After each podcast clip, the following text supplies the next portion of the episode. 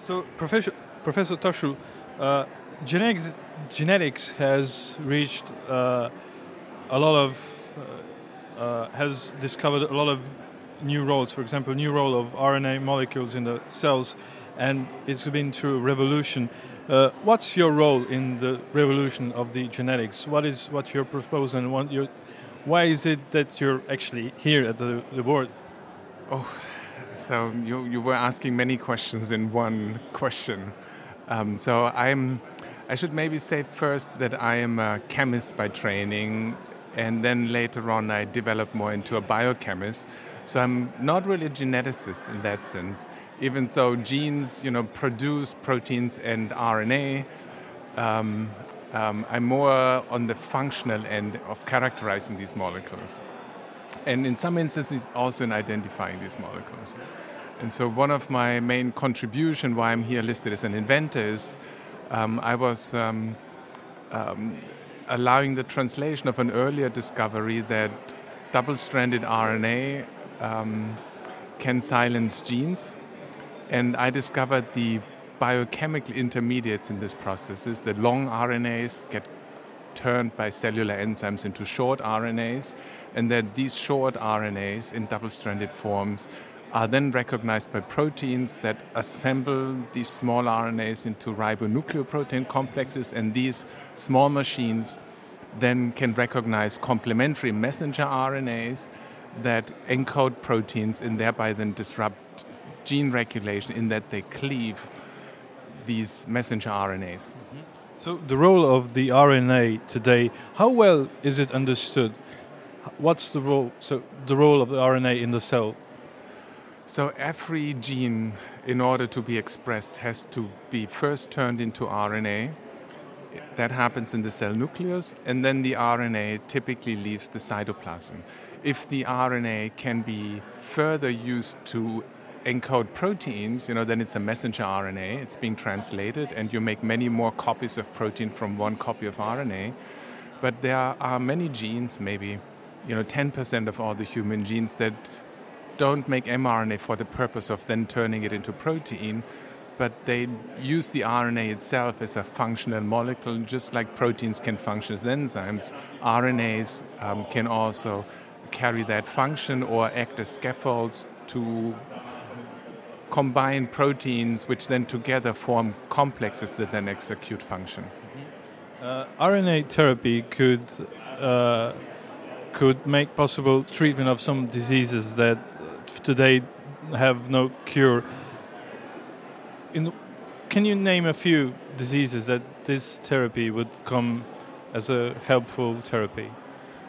Um, so if you you know once you under you recognize the underlying causes of a particular disease and the underlying cause is the presence of a protein that it's, is related to the pathology of the disease then this can become a target for therapy in that you want to just turn off that protein.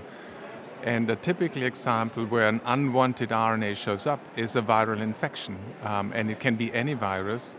You know, viruses either use DNA or RNA to store the genetic information, but they all have to make RNA in order to express the genetic information.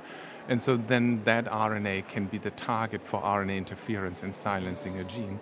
But in other instances, it's rare genetic disorders where you have mutation in one of your two copies, uh, the father's the, or the mother's copy of your gene, and that if that one mutation has a dominant effect, you can cure the disease by turning off the dominant variant.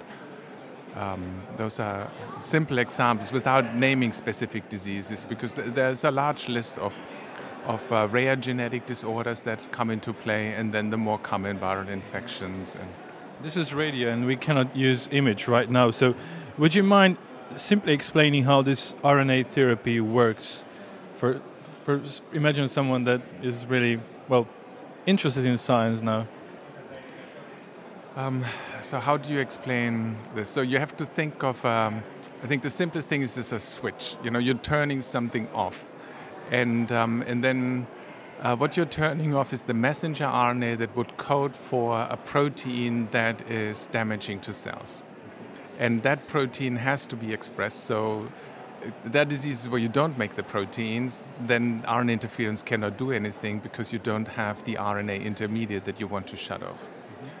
And, uh, And uh, the, in more mechanistic terms, you know, RNA is a molecule that is a polymer of four letters that are repeated and are called the sequence of the RNA. And, and you use sequence complementarity to, de- to define that switch. So you need to know the sequence of the RNA that you like to silence. And then we would synthesize 20 nucleotides, so to speak, 20 letters of that code in its reverse complement. And then the cells will assemble um, that 20 nucleotide reverse complement into a silencing complex that can recognize the messenger RNAs and clip it. We're now speaking in, in the future tense. At which stage of the development is the RNA therapy today, and what what can we expect in the future? When is it? When will the technology become available? So the, I think the first documentation that RNA interference can be used to silence genes was in 2000, and that's where the patents were filed. And now it's 2014, and there have been um, several clinical trials now by um, Alnylam Therapeutics, um, a company I co-founded with um, colleagues, and um, they have. Um, it's been in I don't know hundreds of humans at this point. Um, mostly, I think healthy volunteers to evaluate toxi- toxicology and formulations, and um, so it's probably in the next two years where the, the real treatment of patients will start.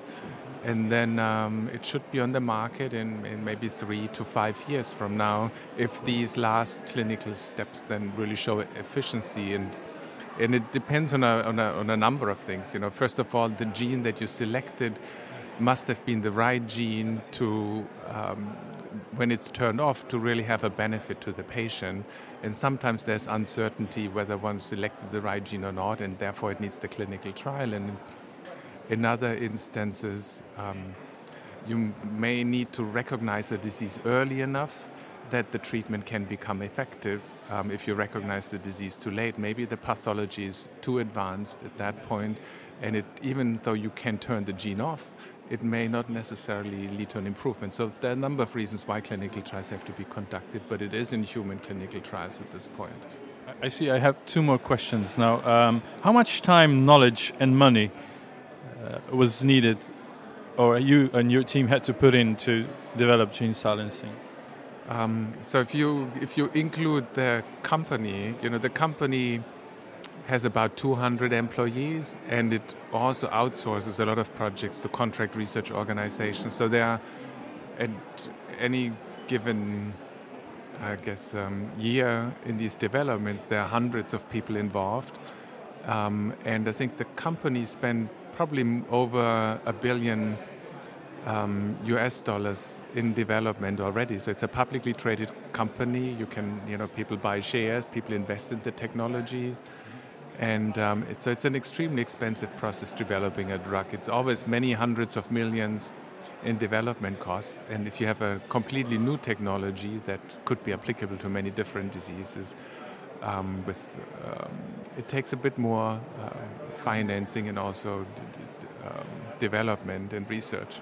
Is this technique also applicable to other uses, perhaps?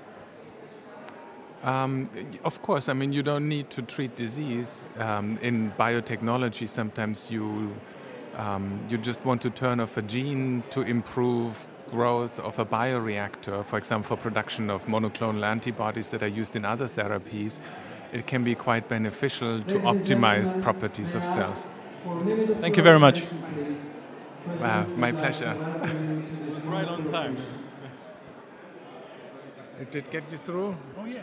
Was it May I reasonable? ask you was. Thank you very to much. get out from the main My location? Nice pleasure. you. Good luck with everything. Not, not, not much that work. The interview is made now. We have to translate it. That is the easy part. Okay. Thank you very much. It was a pleasure. Ladies and gentlemen, may I ask you